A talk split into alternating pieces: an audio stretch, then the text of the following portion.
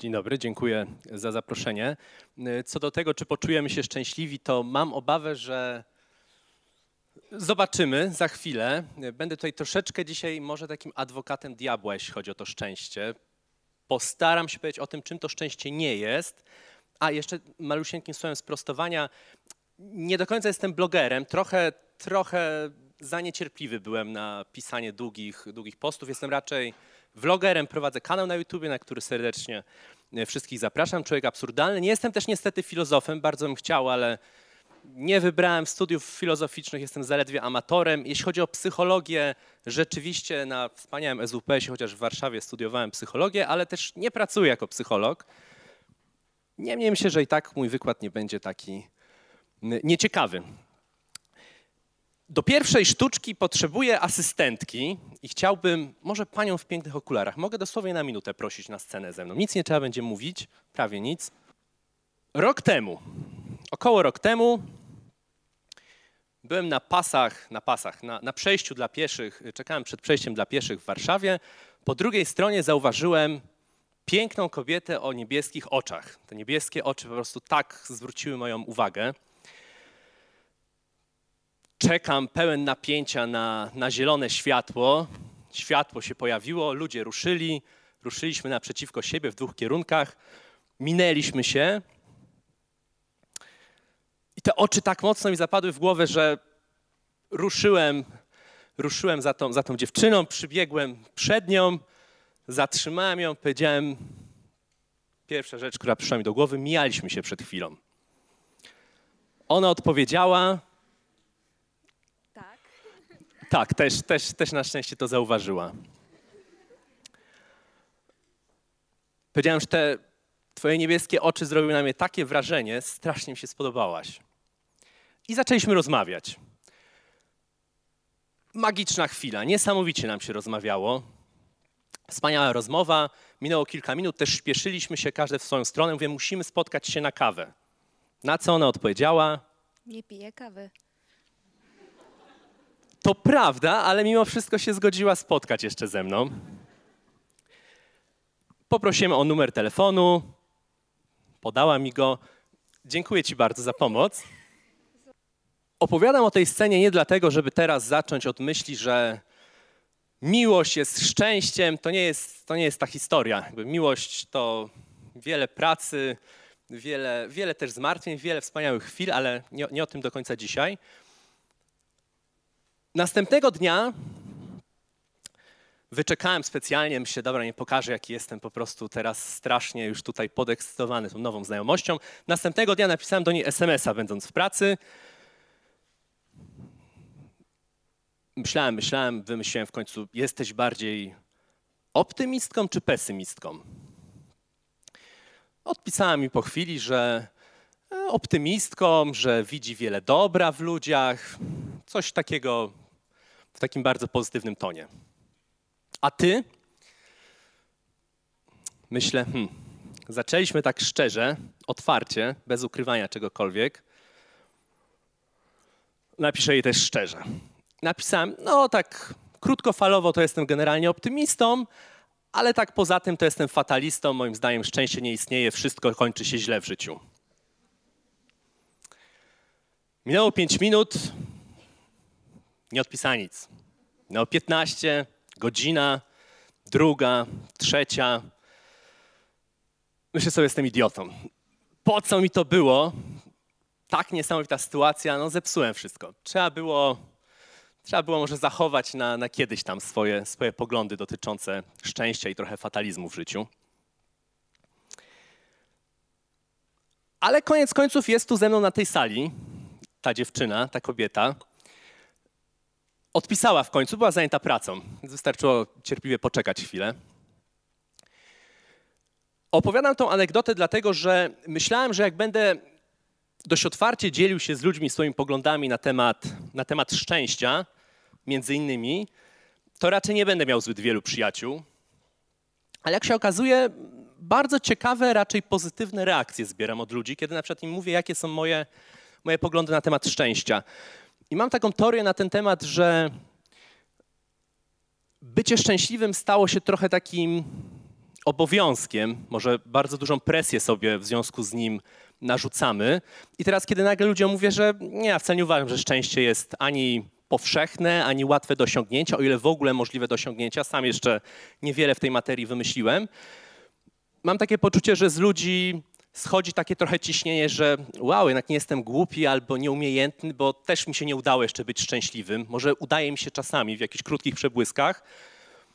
Więc jestem chyba normalny w takim wypadku. Stąd to jest moja teoria, może błędna, stąd generalnie taka nić porozumienia i sympatia z takimi osobami, którym otwarcie mówię na temat, e, na temat moich poglądów na temat szczęścia. Nie pamiętam dokładnie, dlaczego zostałem zaproszony na ten wykład, ale z tego, co kojarzę z rozmowy telefonicznej, e, chyba dobre wrażenie zrobił jeden z moich filmów na temat. E, zapomniałem, jak się mój filmlet nazywa. Coś, dlaczego szczęście nie istnieje. Coś w tym stylu, jak, jak tytuł dzisiejszego, dzisiejszego wykładu. A ten odcinek zainspirował, nie wiem, czy, czy wszyscy znają, taka dość, dość ciekawa, chociażby popkulturowo postać, Sławoj Żyżek, e, filozof słoweński. On kiedyś wrzucił, śledzę, śledzę go na Facebooku, wrzucił, wrzucił coś, wrzucił wpis, który tak się zaczynał, że szczęście nigdy nie było ważne i głównym problemem jest to, że my tak naprawdę sami nie wiemy, nie wiemy czego chcemy. No i tak zacząłem się nad tym dość, dość intensywnie, intensywnie zastanawiać.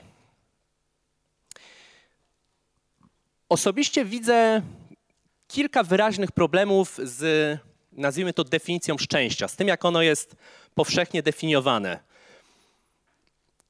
z których to już wynika, dlaczego często legniemy, nie udaje nam się tego szczęścia osiągać, sami sobie trochę zakładamy nierealny do, do osiągnięcia cel. Myślę, że pierwsza rzecz w definicji szczęścia często uważamy ją, je jako, jako osiągnięcie, czyli jeśli osiągniemy coś, jeśli dojdziemy gdzieś, jeśli odhaczymy ten i ten punkt, w końcu będziemy szczęśliwi.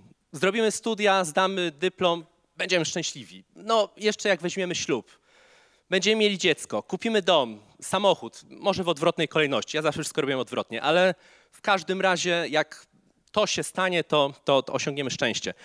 W tym lewym dolnym rogu to nie jest przypadek taki Buddha bijący się po twarzy. Buddyzm generalnie, buddyzm w zasadzie upatruje źródeł cierpienia prawie we wszystkim, co się wiąże z egzystencją, ale jednym z takich głównych powodów, dlaczego zdaniem Buddy, buddystów egzystencja jest cierpieniem, jest to, że ciągle pragniemy, jak tylko zaspokoimy jakieś pragnienie, o ile w ogóle to jest możliwe, to pragniemy już kolejnej rzeczy, jeżeli nawet mamy coś, utrzymujemy to, to my się zmieniamy i dlatego pragniemy trochę inaczej, trochę bardziej. Ciągle jesteśmy niezadowoleni, ciągle jesteśmy nastawieni na, jesteśmy skazani na, na porażkę i cierpienie z tego tytułu. Szczęście to jest ciekawe, ostatnio nawet nad tym myśląc, zwróciłem na to uwagę, że język polski, który ma trochę mniej w ogóle słów niż na przykład język angielski, który, który ma ich podobno najwięcej na świecie. I na przykład nazwą szczęście określamy dwa dość odmienne od siebie słowa, których będą używali ludzie angielskojęzyczni. Jedno to jest luck, inne to jest happiness. I jest trochę tak, że chcąc być szczęśliwi, czując, że mm, to jest coś, co musimy zrobić, żeby być szczęśliwy, chcemy być takim trochę, każdy chciałby być takim wybrańcem fortuny, czyli mieć szczęście, żeby mi się udawały różne rzeczy. Często rzeczy, na które no niestety mamy albo bardzo mizerny wpływ, albo nie mamy go prawie, prawie wcale. Warren Buffett, e, nie wiem, wszyscy znają, jeden, jeden z najbogatszych ludzi na świecie, inwestor giełdowy, powiedział kiedyś, że generalnie okay, przypisuje mu się super wiedzę, bardzo ciężką pracę i tak dalej. Oczywiście on uważa, że ma wiedzę i, i ciężko pracuje, ale wie o tym, jak wiele szczęścia miał w życiu, że tak naprawdę 99,9% jego sukcesu to jest szczęście, bo gdyby urodził się w afrykańskiej wiosce, w kraju trzeciego świata, absolutnie nie zrobił tej fortuny, nie miał tych możliwości, nie miał tego startu, z którego zaczął, rodząc się Wydaje mi się, że w Ameryce, ale być może wyniknie, że jest jakimś imigrantem skądś tam. W każdym razie, żyjąc w Ameryce przez, przez większość swojego życia. Więc kolejny problem. Chcemy być szczęśliwi, bo być wybrańcem fortuny, ale to już samo, samo to pokazuje, że wybrańców jest tylko kilku. Tylko tak naprawdę mniejszość zawsze będzie miała to szczęście, będzie miała dużo tego szczęścia jako, jako angielskie luck. Większość niestety ma je w trochę mniejszym wymiarze. Wydaje mi się też, że dość mocno szczęście łączymy z takim terminem, z terminem, z czymś takim, czym jest przyjemność, czyli chcemy odczuwać przyjemność. Generalnie jakiś rodzaj przyjemności odczuwamy, kiedy mówimy, ale jestem teraz szczęśliwy. No i nie czujemy nieprzyjemności, cierpienia, bólu. To są te rzeczy, które raczej, jeżeli myślimy o szczęściu, to chcemy gdzieś od siebie, od siebie odpychać. I myślę, że to jest taka nasza fantazja o tym, żeby zdobyć tą różę bez kolców, czyli żeby mieć tylko różę, tylko tą przyjemność, jeśli chcemy być szczęśliwi, ale nie mieć tych kolców, nie mieć tej nieprzyjemności, nie mieć tego, co nam sprawia cierpienie, sprawia ból. A to nie jest niestety chyba wykonalne, biorąc pod uwagę kondycję tego, jak wygląda nasze, nasze ludzkie życie. Ostatnia, ostatni taki problem definicyjny na zdjęciu e, Albert Camus, znany, znany chociażby z lektur szkolnych, francuski pisarz, filozof, zwany egzystencjalistą. On sam się odcinał, twierdził, że nigdy nie był tym egzystencjalistą, choć myślę, że miał sporo zbieżnych myśli z egzystencjalistami, o tym za chwileczkę. Ale chociażby w jego twórczości można, można też na to napotkać, że człowiek poszukuje, żeby czuć się szczęśliwym, poszukuje, mm, poszukuje sensu, poszukuje sensu życia, poszukuje jakiejś, chcielibyśmy znać jakąś instrukcję, przepis na życie, że jak zrobimy to, to, to, to i to, co się łączy z tym, o czym mówiłem już wcześniej, czyli odhaczymy jakieś punkty, to będziemy szczęśliwi, to osiągniemy sens, to się spełnimy w życiu. Czyli chcielibyśmy mm, życia zgodnie z jego instrukcją i on na przykład, Kami, y, zwykł pisać, że człowiek, człowiek krzyczy do wszechświata, o sens, zadaje ważne pytania na temat swojego życia, celu tego życia, tego jak być szczęśliwym, ale wszechświat uparcie pozostaje głuchy na te, na te pytania, więc nie ma tej odpowiedzi zwrotnej, nie ma tego takiego ostatecznego, potwierdzonego, na nic tak naprawdę dowodu, jak należałoby w tym życiu postępować, żeby być chociażby szczęśliwym. Wchodzimy w moje ulubione e, rejony, czyli tragizm życia to, że życie jest tragiczne, nie znaczy, że, że nie warto go przeżyć, ale jednak są pewne rzeczy, z którymi wszyscy się musimy zmierzyć. No i takie cztery punkty, przed którymi niestety nie uciekniemy na temat naszego życia. Zawsze kończy się śmiercią, jest no, pełne, jest w nim sporo bólu i cierpienia. Przed tym nikt niestety nie ucieknie. W dużej mierze jest niezależny od nas i nie ma do niego żadnej instrukcji. Powstają oczywiście co jakiś czas nowe podręczniki, ale żaden z nich nie jest taki na, na 100% potwierdzony, pewny, tak żeby można, nie, nie, dało się go kwestionować i żeby był pewną receptą na na przykład szczęśliwe życie. Jak samo to pokazuje, jakby te, te, punkty, o których mówiłem wcześniej, związane z definicją szczęścia, no one się rozwalają tak naprawdę o te, o te punkty związane z, z taką trochę prawdą o ludzkim życiu. Dlatego ta definicja szczęścia, no, łopatologicznie mówiąc, jest tak, tak bardzo niespełnialna, jeżeli je definiujemy tak, jak przed chwilą to pokazywałem. Zastanawiałem się, skąd to się bierze. Już od, od dawna, przygotowując tą prezentację, jeszcze raz sobie odświeżyłem te, te wszystkie moje przemyślenia. Dlaczego gonimy za tym fałszywym szczęściem, szczęściem niespełnialnym, szczęściem nie do, nie do osiągnięcia? Powodów jest na pewno bardzo dużo, ale takie, takie najważniejsze, jakie mi przychodzą do głowy, Jeden z nich myślę, że od dziecka poprzez bajki, baśnie, legendy, mity, jakby takie, takie historie, na których nas się wychowuje, a już szczególnie koncert Myszki Miki zrobił z tego bardzo dobry biznes, uczy się nas, że po pierwsze istnieje jakieś, żyli długo i szczęśliwie, a po drugie tak naprawdę jest to do osiągnięcia poprzez, nie wiem, trzeba, trzeba zabić smoka, Trzeba uratować księżniczkę, odnaleźć miłość życia, zostać królem, obalić złego króla. Wtedy będziemy żyli długo, długo i szczęśliwie. Generalnie taki jest moim zdaniem przekaz bardzo wielu bajek, historii i tak dalej.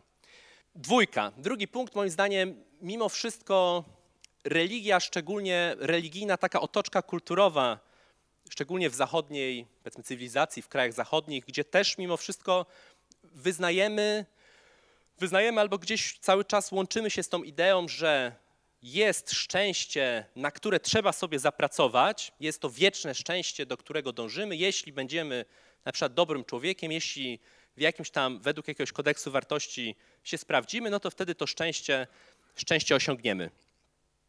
I trzeci, trzeci punkt, myślę, że naj, najszerzej, naj, najpopularniej nas bombardujący zewsząd.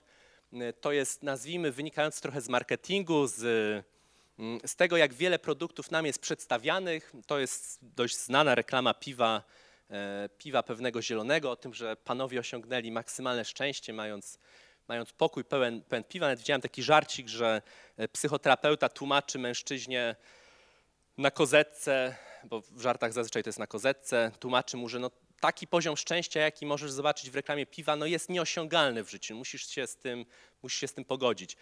Mm, nie, nie, nie jestem wyznawcą jakichś teorii spiskowych, że tutaj e, nie wiem, cały, cały system, wszystkie wielkie korporacje chcą nas w jakiś sposób wykorzystać czy zniszczyć nam, dlatego takie programują trochę rzeczy, rzeczy typu właśnie, że osiągniesz szczęście, jeśli kupisz nasz produkt. Myślę, że no, powód jest bardzo prosty. To działa, jeśli pokazujemy, budujemy skojarzenia ludziom związane z tym, że jeśli, jeśli no to, to, działa, przedstawienie, zbudowanie skojarzeń, że kupisz to i to, osiągniesz takie i takie szczęście, nie wiem, znajdziesz miłość, będziesz się cieszyć do końca swojego życia, będziesz przeżywać nieustanną przyjemność bez, bez cierpienia no na, tym, na, na tym zbudowany trochę, trochę marketing, myślę, że w zdecydowanej większości jest, pokazując mniejsze, mniejsze lub większe szczęście powiązane z, z produktem danym, który powinniśmy kupić. Trafiłem nawet i to jakoś dwa dni temu, więc jeszcze, jeszcze do, dorobiłem, dorzuciłem ten slajd. Nie czytałem jeszcze tej książki, ale zaciekawił mnie sam tytuł Przemysł Szczęścia. Tak czytając, co jest z tyłu na okładce, myślę, że się zaopatrzę dużo pisze, jakby autor, autor generalnie analizuje, jak duży sektor rynku, jak duży biznes powstał w ogóle wokół robienia szczęścia. Czyli szczęście już nawet nie jest kojarzone z jakimś produktem, tylko jest samym produktem w sobie.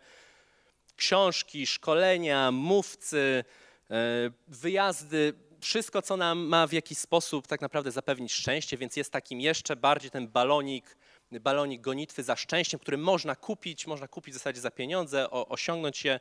Ten taki e, segment rynku bardzo dynamicznie się w tym momencie rozwija. To są takie, moim zdaniem, główne powody, główne powody tego, dlaczego, dlaczego mamy tą taką fałszywą definicję gdzieś z tyłu głowy i często w nią mniej lub bardziej świadomie wpadamy. Wracając do filozofii, bo powiedzmy, że na tym się ostatnio trochę bardziej znam. Ludzkość to jest oczywiście bardzo uproszczony schemat, ale ludzkość odnalazła takie pięć głównych kierunków, na które można podzielić różne, powiedzmy, szkoły filozoficzne, które pomagają jej jakoś poradzić sobie z tą niestety ideą tragizmu życia, czyli z tym, że musimy umrzeć, będzie dużo bólu i cierpienia, ciągle jesteśmy skazani na poszukiwanie sensu, mierzenie się z bezsensem itd., tak itd. Tak Taką pierwszą kategorią jest nazwijmy to nadzieja, czyli wszelkie systemy filozoficzne, religijne, które pokazują nam, że nie, życie nie jest takie tragiczne, bo ono się nie kończy źle, jest coś po tym życiu, czyli jest, mm, jest do osiągnięcia szczęście po, po życiu, po śmierci, czyli wystarczy tylko spełnić jakieś warunki w zależności od, od religii i możemy to szczęście, możemy to szczęście osiągnąć. Choć tutaj oczywiście na, na, na, pierwszym, na pierwszym obrazku e, przedstawiciel chrześcijaństwa, Jezus Chrystus, taka, taka dla mnie też ciekawa rzecz, znaczy tak, jedna rzecz, czy ktoś w to wierzy, czy nie wierzy, no to, to będzie dość mocno determinowało jego podejście do szczęścia, no bo jeżeli wierzymy, że ta nadzieja jest, no to na to szczęście możemy po śmierci rzeczywiście liczyć. Niemniej tak, e, sam zwracając uwagę, gdzieś, gdzieś czytując dość mocno, szczególnie w przeszłości, Pismo Święte, też jakby sam Jezus wcale nie obiecywał szczęścia na, za życia, szczęścia na ziemi, wręcz zwraca uwagę, że jeżeli chcemy osiągnąć to szczęście pośmiertne, to czasami to się wiąże z bardzo wieloma wyrzeczeniami, ze skonfliktowaniem się ze swoim środowiskiem i tak dalej, więc też jakby ten, ten nurt wcale nie jest taką, taką receptą, rozwiązaniem tego, jak być szczęśliwym za życia. Druga środkowa, ci, ten taki, tych takich dwóch szarych panów, na pierwszym planie to jest po piersie Marka Aureliusza, przedstawiciele nazwijmy to stoicyzm, znaczy stoicyzmu, filozofii stoickiej, też ostatnio zauważyłem całkiem, całkiem popularnej. Ich jakby takim głównym kierunkiem mm, działania, myślenia, co robić, żeby być szczęśliwym, to należy zachować pewną cnotę. Oni tą cnotę rozumieli między innymi jako umiarkowanie, czyli nie chcieć za dużo, nie pragnąć za dużo i starać się być dobrym, moralnym człowiekiem. Dwóch chyba najbardziej znanych przedstawicieli stoicyzmu, Marek Aureliusz, Seneca, na przykład mój taki malutki problem między innymi ze, ze, ze stoicyzmem, Marek Aureliusz Seneca, Seneca jeden bogaty rzymski arystokrata, jeden z najbogatszych, bardzo wpływowych Rzymian, Marek Aureliusz cesarz całego Imperium Rzymskiego. Przyszła mi kiedyś taka myśl, że łatwiej być chyba mm, nie pragnąć za wiele, być spokojnym, nie przejmować się za dużo, kiedy jednak jest się miliarderem, kiedy ma się ogromną władzę, ma się ogromny wpływ jeżeli na przykład tak jak ja tego się nie ma, no to gdzieś tam trzeba, może nie wiem, trochę więcej pragnąć, trochę więcej, na trochę więcej gdzieś tam cierpień, trudu, bólu się narażać. Może. Trzecia, trzecia szkoła, trzeci, mm, trzeci nurt nastawiony na przyjemność, reprezentowany tutaj akurat przedstawiciel chyba najbardziej znany hedonizmu, Epikur. Co ciekawe, hedonizm dzielił się na takie, dzieli się na takie dwa kierunki. Jeden nastawiał się na maksymalizowanie przyjemności, czyli aktywne poszukiwanie przyjemności w życiu. Drugi był nastawiony, i jego reprezentował Epikur, był nastawiony na unikanie cierpienia przede wszystkim. I ku mojemu zaskoczeniu, jak, jak jakiś czas temu trochę zagłębiałem się bardziej w hedonizm, ten nurt nastawiony na przyjemność, na aktywne poszukiwanie przyjemności, pomimo cierpienia, szybko, można powiedzieć, że zniknął z poważnej gdzieś tam debaty, nazwijmy to z poważnych, y, z poważnych uczelni filozoficznych. Przetrwał dłużej, chociaż też wcale nie jakoś bardzo długo, nurt nastawiony na unikanie cierpienia. Złośliwi mówili o, o, o, hedonistach, o hedonistach tego nurtu, tego kierunku, że to, to jest taka trochę filozofia człowieka martwego, który przede wszystkim najwięcej swojego czasu i energii poświęca na to, żeby byle tylko unikać cierpienia, byle tylko nie cierpieć, też wcale nie za wiele pragnąć, bo część pragnień to tylko prowadzi do cierpienia, koniec końców, czy chcemy, czy nie chcemy, więc przede wszystkim unikajmy, unikajmy cierpienia. Kolejny nurt reprezentowany między innymi przez Buddę, buddyzm. Nurt, który w zasadzie jego sposobem na szczęście jest odpuśćmy gonitwę za szczęściem zupełnie. Czy już tak w ogóle pragnienia to jest cierpienie, starajmy się je wyciszyć, um, unikać wszystkiego, co powoduje w nas te, te niebezpieczne pragnienia, wywołuje te cierpienie, a generalnie bardzo, bardzo dużo rzeczy wywołuje cierpienie wedle, wedle tradycji buddyjskiej. Więc to takie trochę, dobra, nie ścigajmy się po to szczęście, wycofajmy się zupełnie z wyścigu. I piąta, piąta szkoła akurat wrzuciłem bardzo arbitralnie, załóżmy, że reprezentowana przez znanego egzystencjalistę Jean-Paul Sartre, więc to taka szkoła, kierunek egzystencjalny, można powiedzieć najnowszy, bardzo duży nacisk kładący na trochę absurd życia, pokazujący ten absurd, pełną świadomość tego absurdu, więc uznanie tego, ok, życie jest tragiczne, nic z tym nie zrobię, jedyne co mogę zrobić to zaakceptować reguły gry takie, jakie są i będąc świadomy pełnej swojej wolności, czyli tego, że mogę i muszę cały czas wybierać w życiu, co ma oczywiście mnóstwo plusów i bardzo dużo minusów, biorę to całościowo na klatę i będę aktywnie to życie poznawał, zgłębiał i szukał sam, sam dla siebie tego, tego sensu, tego życia i sposobu tak naprawdę na szczęście. I jako egzystencjalista, amator, trochę chciałem się skupić na tym ostatnim kierunku, który mnie osobiście najbardziej przekonuje i ja w nim znajduję jakiś sposób, jakiś pomysł na, na szczęście. Tutaj jest na zdjęciu Fryderyk Nietzsche, lekko przerobiony. Fryderyk Nietzsche, którego ciężko może nazwać egzystencjalistą, ale egzystencjaliści gdzieś tam się na nim, na nim inspirowali. Bardzo lubię to jego zdanie tutaj zaprezentowane, w którym on stwierdza, to jest fragment jego jego, chociaż trochę przerabianego przez siostrę, yy, kiedy już Nietzsche był chory, ale w każdym razie książki Wola Mocy. I Nietzsche stwierdza, że za dużo w ogóle energii poświęcamy, tak jak już było mówione, tej przyjemności, dążeniu do przyjemności, unikaniu nieprzyjemności, to są tylko tak naprawdę skutki uboczne. To, czego jego zdaniem naprawdę człowiek chciał, to jest, e, to jest wola mocy, powiększanie tej mocy w sobie i do tego człowiek musi dążyć, jeżeli ma spełniać swoje, swoje trochę takie, swój cel, swoje posłannictwo, nie bacząc na, na przyjemność, nieprzyjemność. Czym jest ta wola mocy? Różnie to definiowano, nawet dość niebezpiecznie. Więc to pomijając, podoba mi się takie podejście niczego, że w życiu może chodzić o coś innego niż przyjemność y, czy nieprzyjemność. To są tylko skutki tego, czy rzeczywiście działamy prawidłowo, czy działamy dobrze, czy działamy w taki aktywny sposób, mm, który pozwala nam być w pełni, rozwijać gdzieś, gdzieś siebie, rozwijać swoje, swoje człowieczeństwo. Jean-Paul Sartre, o tym, o tym zacząłem już przez chwilę, on może nie miał recepty na szczęście, nie miał recepty na życie, ale to, co podkreślał wielokrotnie, to to, co jest jego zdaniem najgorsze i czego należy unikać. Taki największy jego zdaniem grzech człowieka to jest tak zwana zła wiara. Jego zdaniem złą wiarę popełniamy wtedy, kiedy odwracamy się od swojej wolności i tego tworzenia własnego, własnego znaczenia. I taka, taką anegdotę lubię opowiadać. Poznał podczas II wojny światowej w więzieniu, będąc, poznał księdza w tym więzieniu. Zapytał go, bo to go zawsze ciekawiło, jak ludzie podejmują pewne wybory życiowe. Jak to się stało, że zostałeś księdzem? No i ten ksiądz mówi, że Pochodziłem z biednej rodziny, więc nie miałem jakichś perspektyw zawodowych po, powiedzmy, po swoim ojcu, po swoich rodzicach. Zakochałem się, ale zostałem odrzucony. Nie wyszło, postanowiłem wstąpić do armii. Do armii mnie nie przyjęli, bo byłem za, za, za słabych warunków fizycznych. No to był znak, żeby zostać księdzem.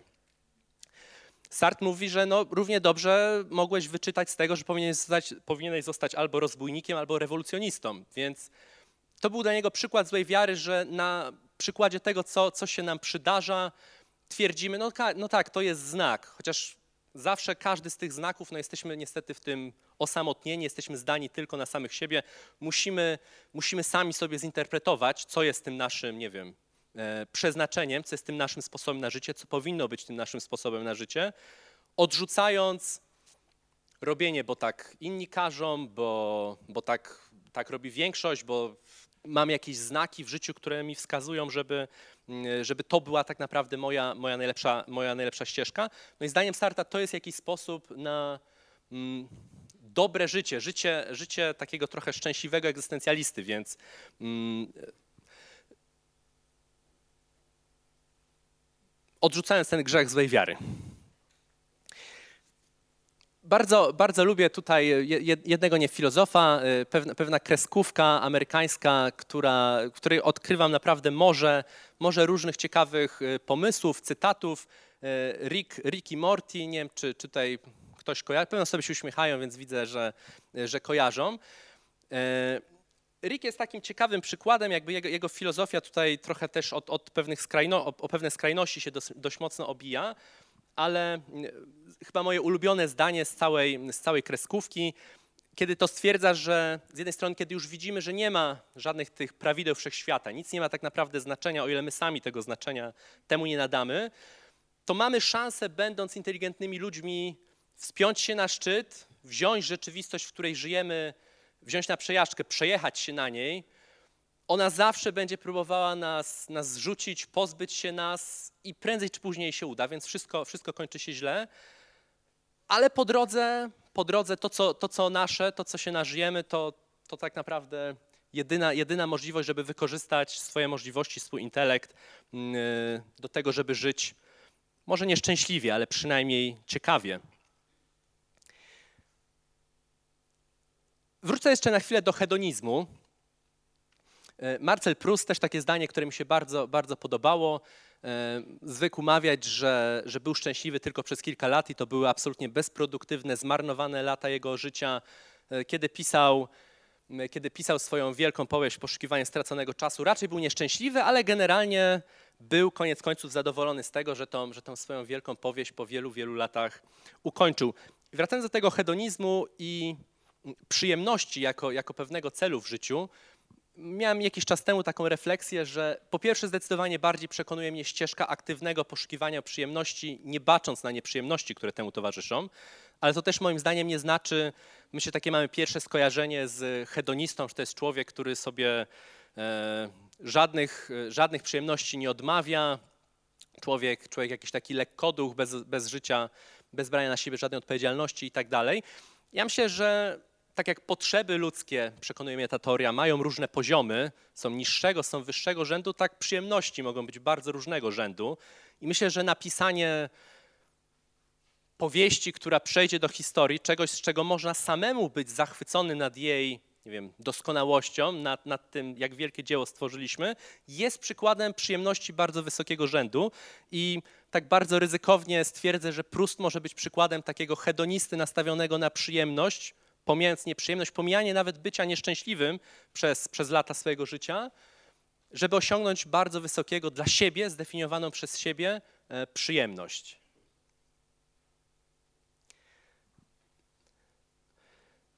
Erich Fromm, też ciężko go nazwać egzystencjalistą, ale ciekawy filozof, psycholog, psychoterapeuta, dużo, dużo interesujących książek. Jedną z nich, którą bardzo lubię, jest właśnie e, Mieć czy Być.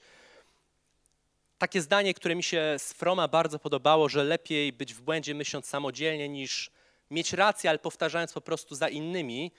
Mm, on podkreślał, że podkreślał, że ważnym, bardzo ważnym dla, dla bycia człowiekiem, dla bycia mm, szczęśliwym, realizowania swojego człowieczeństwa jest właśnie mm, pewna autentyczność w życiu, jest jakby to aktywne poszukiwanie siebie, też, też właśnie aktywność.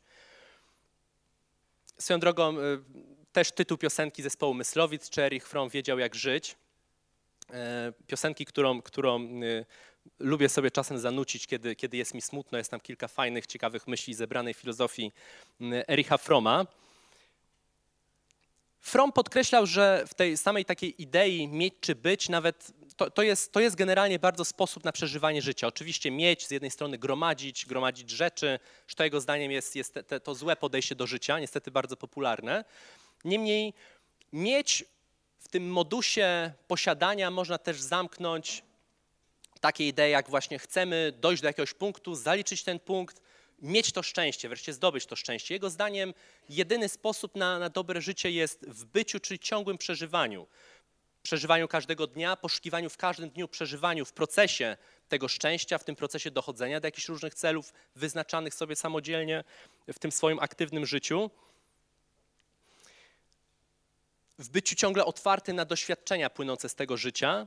I taka jeszcze jedna, y, jeden kawałek z, z tej piosenki właśnie Mieć czy być myslowic. Tam jest takie zdanie też, które bardzo lubię, że upadamy wtedy, gdy nasze życie przestaje być codziennym zdumieniem. Też tytuł mojego wykładu jest trochę, który już kończę, który jest dość przewrotny, bo tym, że lepiej być ciekawym niż szczęśliwym.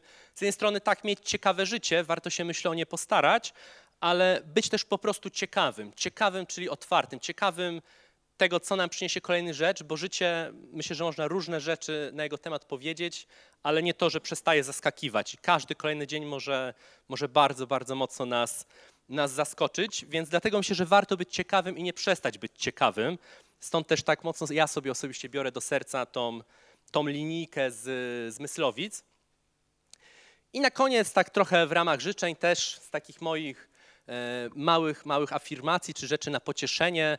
Myślę, że jesteśmy skazani na błędy, jesteśmy skazani na, na porażki w poszukiwaniu tego szczęścia, ale co warto, to warto żyć odważnie, iść przed siebie śmiało. Polecam ten wiersz e, Leopolda Staffa pod tytułem Odys.